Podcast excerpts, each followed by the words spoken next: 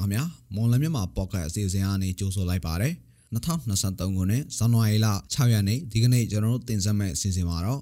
ပရိသတ်တွေစိတ်ဝင်စားပွဲမွန်ပြည်နယ်တရင်ပြည်တွင်းတရင်တွေနဲ့အာဆီယံတရင်တရင်ပေးပို့ချက်ပြည်သူတွေသိထားတဲ့နေ့စဉ်ကုန်စည်နှုန်းတရင်တချို့ကိုစီစဉ်ပထမပိုင်းမှာရွေးချယ်တင်ဆက်တော်မှာဖြစ်ပါတယ်ဒါပြင်မြန်မာနိုင်ငံမှာစစ်အာဏာသိမ်းကာလနှစ်နှစ်နီးပါးကြာလာတဲ့နောက်ပြည်တွင်းမှာစစ်ဘေးသင့်ဒုက္ခရောက်နေကြတဲ့သူတွေတိုင်းကလိငယ်တွေရဲ့အခြေအနေနဲ့ပတ်သက်တဲ့ သတင်းပေးပို့ချက်ကိုတင်ဆက်ပေးပါမယ်။ဟုတ်ကဲ့ပါဒီနေ့အစီအစဉ်မှုကတော့ကျွန်တော်ဆက်ပိုင်ကတာဝန်ယူတော့မှာဖြစ်ပြီးကျွန်တော်နဲ့အတူမိရင်စနိုင်ရသတင်းတွေကိုကူညီဖတ်ကြားပေးတော့မှာဖြစ်ပါတယ်။နိုင်စင်ကြတဲ့ပရိသတ်အားလုံးကိုမင်္ဂလာပါလို့နှုတ်ခွန်းဆက်တာပါရစေ။ကျမမိရင်စနိုင်ကကူညီတင်ဆက်သွားမှာပါ။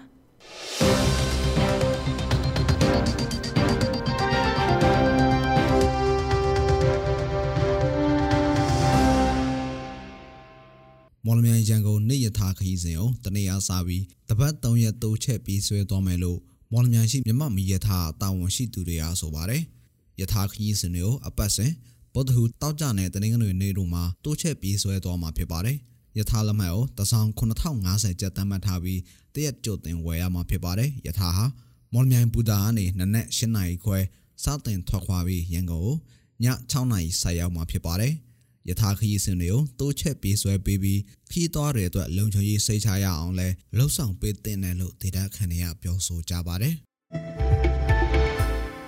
မွန်ပြည်နယ်အတွင်းစစ်ကောင်စီရဲ့လွတ်ငင်းချမ်းသာခွင့်နဲ့ပြန်လွတ်လာတဲ့အကျဉ်းသားတွေထဲမှာနိုင်ငံရေးအကျဉ်းသား52ဦးပါဝင်တယ်လို့သိရပါတယ်။လွတ်မြောက်လာတဲ့နိုင်ငံရေးအကျဉ်းသား52ဦးမှာမွန်ပြည်နယ်လွှတ်တော်ဥက္ကဋ္ဌဟောင်းဒေါ်တင်ဤရဲ့သားလည်းပါဝင်တယ်လို့မိသားစုနဲ့နှိဆက်သူတွေစီကသိရပါတယ်။ လွတ်မြောက်လာတဲ့နိုင်ငံရေးအကျဉ်းသား52ဦးဟာကြိုက်မရောအကျဉ်းထောင်ကနေ33ဦးနဲ့တထောင်ကျင်းထောင်ကနေ19ဦးဖြစ်ပါတယ်။95နှစ်မြောက်ဆန်ရတုလွတ်လပ်ရေးနေ့မှာတနိုင်ငံလုံးကအကျဉ်းထောင်အချုပ်ထောင်စခန်းအသီးသီးမှာပြည်တံကြခံနေရတဲ့အကျဉ်းသားအကျဉ်းသူစုစုပေါင်း9012ဦးကိုစစ်ကောင်စီကလွတ်ငင်းချမ်းသာခွေဖြစ်လွှတ်ပေးခဲ့တာဖြစ်ပါတယ်။ဝါပြည်သွေးစည်းညီညွတ်ရေးပါတီ UWSP အမျိုးသားဒီမိုကရက်တစ်မဟာမိတ်အဖွဲ့ NDA မိုင်းလာနဲ့ရှမ်းပြည်တူတရေးပါတီ SSPP ကခေါင်းဆောင်တွေနဲ့အာနာသိန်းစစ်ကောင်စီရဲ့ငြိမ်းချမ်းရေးဆွေးနွေးပွဲအဖွဲ့တို့နေပြည်တော်မှာမနေ့ကတတရအကြိမ်တွေ့ဆုံခဲ့ကြတယ်လို့စစ်ကောင်စီကသတင်းထုတ်ပြန်ပါတယ်ဒီမိုကရေစီနဲ့ဖက်ဒရယ်ပြည်ထောင်စုတည်ဆောက်ရေးဖွဲ့စည်းပုံပြုပြင်ရေးကိစ္စရပ်တွေကိုတိုင်းရင်းသားအဖွဲ့တွေနဲ့ဆွေးနွေးခဲ့ကြတယ်လို့ဆိုပါတယ်။ဝါပြည်သွေးစည်းညီညွတ်ရေးပါတီ UWSP အမျိုးသားဒီမိုကရက်တစ်မဟာမိတ်အဖွဲ့ NDAA မိုင်းလာနဲ့ ရှမ်းပြည်တူတရေးပါတီ SSPB တို့ဟာတနိုင်ငံလုံးအပြစ်ခတ်ရက်စဲရေးစာချုပ် NCA မှာလက်မှတ်မထိုးရသေးတဲ့အဖွဲ့တွေဖြစ်ပါတယ်။အခုတတိယအကြိမ်တွေ့ဆုံဆွေးနွေးပွဲကိုဇန်နဝါရီလ9ရက်ကစပြီး3ရက်ခန့်ကျင်းပသွားဖို့ရှိနိုင်တယ်လို့ဒုပုံမှုကြီးဆိုင်စုကပြောပါတယ်။ ရခိုင်ပြည်နယ်စစ်တွေမြို့ပေါ်မှာရခိုင်ပြည်နယ်လွတ်မြောက်ရေးပါတီ ARP ရဲ့စစ်ဦးစီးချုပ်နဲ့အရာရှိနှုတ်ကိုရခိုင်တပ်တော် AA ကအကြမ်းဖက်လောက်ကျန်တပ်ဖြတ်ခဲ့တာဖြစ်တယ်လို့မနေ့က ARP ကထုတ်ပြန်ထားပါတယ်။ ARP စစ်ဦးစီးချုပ်ဗိုလ်ချုပ်ခိုင်စောမြလောက်ကျန်တပ်ဖြတ်ခံရတဲ့အပေါ် ARP ဒုတိယဥက္ကဋ္ဌဒေါ်စောမြရာစာလင်းကရခိုင်ပြည်နယ်မှာလုံခြုံရေးမရှိဘူးလို့ပြောပါတယ်။ အခုလို ULAAA ရဲ့လောက်ရဟာရခိုင်မျိုးသားအချင်းချင်းကြားမှာလူသားမဆန်တဲ့အကြမ်းဖက်လောက်ကြံခြင်းဖြစ်ပြီးရခိုင်တမျိုးသားလုံးညီညွတ်ရေးကိုထိခိုက်ပျက်စီးစေသလိုရခိုင်ပြည်သူတွေကိုပါတောင်းလှုပ်ချောက်ချားစေတဲ့အတွက်ပြင်းပြင်းထန်ထန်ကကွက်ရှုတ်ချကြောင်းလည်းထောက်ပြန်ချက်မှာပါရှိပါတယ်။ ARP ရဲ့ဆွဆွဲထောက်ပြန်ချက်နဲ့ပတ်သက်ပြီးရခိုင်တပ်တော် AA ပြောရေးဆိုခွင့်ရှိသူဥခိုင်ဒုက္ခကတော့ဒါဟာအခြေအမြင့်မရှိတဲ့ဆွဆွဲချက်ဖြစ်တယ်လို့ တုံ့ပြန်ပါတယ်။တည်တယ်မှုတေခင်းနဲ့ပတ်သက်ပြီးရခိုင်ပြည်သူဆိုရစီမှာတိုင်ကြားလာတာမျိုးရှိခဲ့ရင်တော့လိုအပ်တဲ့စုံစမ်းစစ်ဆေးမှုတွေကိုလှုပ်ဆောင်ပေးသွားမယ်လို့ပြောပါတယ်။ကိုဗစ်ကပ်ရောဂါကြောင့်ပိတ်ထားရတဲ့မြန်မာနိုင်ငံဘက်ကမူဆယ်မြို့နဲ့တရုတ်နိုင်ငံဂျဲကောင်မြို့ကိုဆက်သွယ်ထားတဲ့နန်းတော်ဂိတ်စင်ဖြူဂိတ်နဲ့မတ်ဝင်းဂိတ်တုံးခုကိုလာမယ့်ဇန်နဝါရီလ10ရက်နေ့မှာပြန်လည်ဖွင့်လှစ်မှာဖြစ်တယ်လို့ မြန်မာနိုင်ငံဆိုင်ရာတရုတ်တန်ယုံကမနေ့ကထုတ်ပြန်ပါတယ်။မတ်ဝင်းကရနေကုန်ပစ္စည်းတင်တဲ့ကောင်ကားတွေကိုတရုတ်စံတော်ချိန်မနက်၈နာရီမြန်မာစံတော်ချိန်6နာရီခွဲကနေညပိုင်းတရုတ်စံတော်ချိန်7နာရီမြန်မာစံတော်ချိန်9နာရီခွဲအထိဝင်ထွက်ခွင့်ပြုမှာဖြစ်တယ်လို့ထုတ်ပြန်ချက်မှာဖော်ပြထားပါတယ်။နန်းတော်ခဲရနေတော့အစိုးရဝန်ထမ်းနဲ့လိုက်ပါသူတွေကိုတရုတ်စံတော်ချိန်မနက်၈နာရီမြန်မာစံတော်ချိန်6နာရီခွဲကနေညနေပိုင်းတရုတ်စံတော်ချိန်9နာရီခွဲ မြန်မာစံတော်ချိန်7နာရီထိခွင့်ပြုမှာဖြစ်ပြီးစင်ဖြူဂိတ်ပေါက်ကနေတော့လူပုတ်ကုန်နဲ့အိမ်စီကားတွေနှစ်ဘိန်းဆိုင်ကဘက်ထရီဆိုင်ကစတာတွေကိုနက်နော်ဂိတ်ပေါက်ရဲ့အချိန်အတိုင်းဝင်ထွက်ခွင့်ပြုမှာဖြစ်တယ်လို့ဆိုပါတယ်တရုတ်နိုင်ငံဘက်ကအခုလိုနေဆက်ဂိတ်၃ခုပြန်ဖွင့်ဖို့ပြင်ဆင်နေတယ်ဆိုပေမဲ့မြန်မာနေဆက်ဘက်မှာတော့တည်တည်တသာပြင်ဆင်နေတာမျိုးတော့မရှိသေးဘူးလို့မူဆယ်နေဆက်ကစီးပွားရေးလုပ်ငန်းရှင်တွေကပြောပါတယ်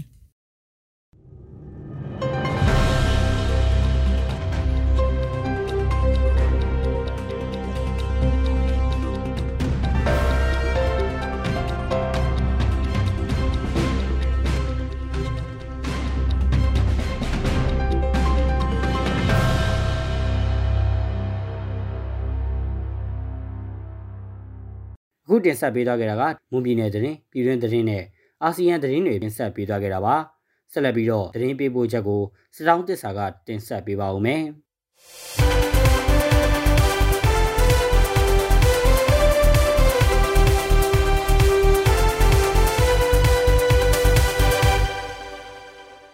မြန်မာနိုင်ငံတွင်ကြုံနေရတဲ့ပြည်တွင်းပဋိပက္ခတွေကြောင့်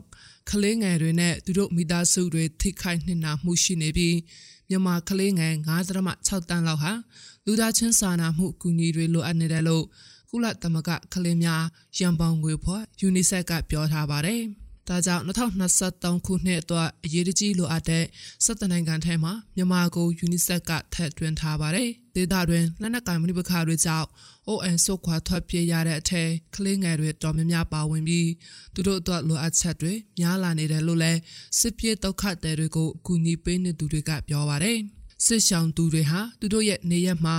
လက်နက်ကင်မနိမခမရှိတော့ပေမဲ့တချို့ကပြစ်ခတ်မှုတွေထပ်ဖြစ်လာမှာကိုစိုးရိမ်ကြသလိုတချို့ကလည်းပြန်စရာအိမ်လုံးဝမရှိတော့လို့ရောက်တဲ့အရက်မှာပဲဖြစ်သလိုနေကြရပါတယ်။အဲဒီထဲမှာကလေးငယ်တွေပါဝင်နေပြီးကျောင်းနေရောကလေးတွေမှာစာနဲ့ဝေတဲ့တန်ကြောင့်တင်ကြရဲ့အခက်အခဲတွေရှိပြီးကလေးငယ်တွေအတွက်ကျန်းမာရေးနဲ့တခြားလိုအပ်ချက်တွေကိုလည်းကူညီပေးနေသူတို့ကအခုလိုပြောပါတယ်။ ကလေးတွေအခြေအနေကတော့ လိုအပ်ချက် တော်တော်ကြီးမားရှိတယ် ကလေးတွေရဲ့ပညာကတော့တတ်နိုင်ဆုံး ဒီဘက်ကျောင်းတော့ ပြန်နေကြတာရှိတယ် မနေနိုင်တဲ့ ကလေးတွေ အများရှိတယ် အထူးသဖြင့်ကတော့ ဒီကလေးတွေကတော့ သူတို့ စစ်ပေးချောင်းတဲ့နေ့လောက်မှ ဖြစ်တဲ့ခါကျတော့ စာလက်လက်မမီတဲ့ကိစ္စတွေ အများရှိတယ်အဲ့ဒါရှိတယ် အထူးသဖြင့်တော့ ကလေးတွေရဲ့ ကျန်းမာရေးတွေအစာအရထောက်ပံ့ဖြစ်တဲ့ဟာတွေ နောက်ပြီးတော့ ကလေးရဲ့ အနှွေးထဲတွေ ကျန်းမာရေးကိစ္စတွေတော့ တော်တော်လေးအခက်ရှိတယ် ကုလသမဂ္ဂကလေးများရန်ပုံငွေဖွဲ့ UNICEF ကတော့ကလေးငယ်9သိန်းခွဲအတွက်အစောပိုင်းတင်ယူလစ်လာရေးခွေးလန်းတွေကိုတအုပ်ချင်းတင်ယူလစ်လာရေးအထက်ကူပြုပစ္စည်းတွေပံ့ပိုးတာပါဝင်ပညာရေးကိုလှလှမီတင်ယူနိုင်အောင်2023ခုနှစ်ဒီနှစ်ထဲမှာပံ့ပိုးပေးဖို့ရည်မှန်းထားတယ်လို့ဆိုပါတယ်။ ရှမ်းပြည်နယ်မြောက်ပိုင်းကစစ်ပြေဒုက္ခတွေတွေထက်ကထက်ဝက်လောက်ဟာကလေးငယ်တွေဖြစ်နေပြီးသူတို့အတွက်ကူညီတွေလိုအပ်နေတယ်လို့တောင်အောင်မျိုးသမီးဖွဲ့ TWO ရဲ့တာဝန်ခံကလည်းခုလိုပြောပါတယ်။လက်တလောလိုအပ်နေတဲ့အပိုင်းမှာဆိုရင်တော့တော်တော်များတခြားဒီစားတောက်ရေးနဲ့တခြားပိုင်းတွေတော့လာကူတယ်။ဒါပေမဲ့ဒီကလေးနဲ့ပတ်သက်တဲ့ဟာကလေးဆိုရင်တော့ကလေးနှုတ်မုံတွေဟာရမုံတွေစသဖြင့်ဒီနှွေးထဲတွေကြတော့အ ကူညီတဲ့လူတွေကမရှိဘူးဖြစ်နေတဲ့အတွက်ကြောင့်မို့အဲ့ဒီပိုင်းမှာတော့ခက်ခဲရှိနေသေးတယ်။မြန်မာနိုင်ငံတဝန်အိုအန်ဆုခွာတန်းရှောင်ကြရသူလူပေါင်း1.5တန်းကျော်ရှိပြီးအဲ့ဒီထဲက1.3တန်းကျော်ဟာစစ်တပ်အာဏာသိမ်းပြီးနောက်ပိုင်းတိုးလာတဲ့အရေးအတွက်ဖြစ်တယ်လို့ကုလသမဂ္ဂလူသားချင်းစာနာမှုဆိုင်ရာ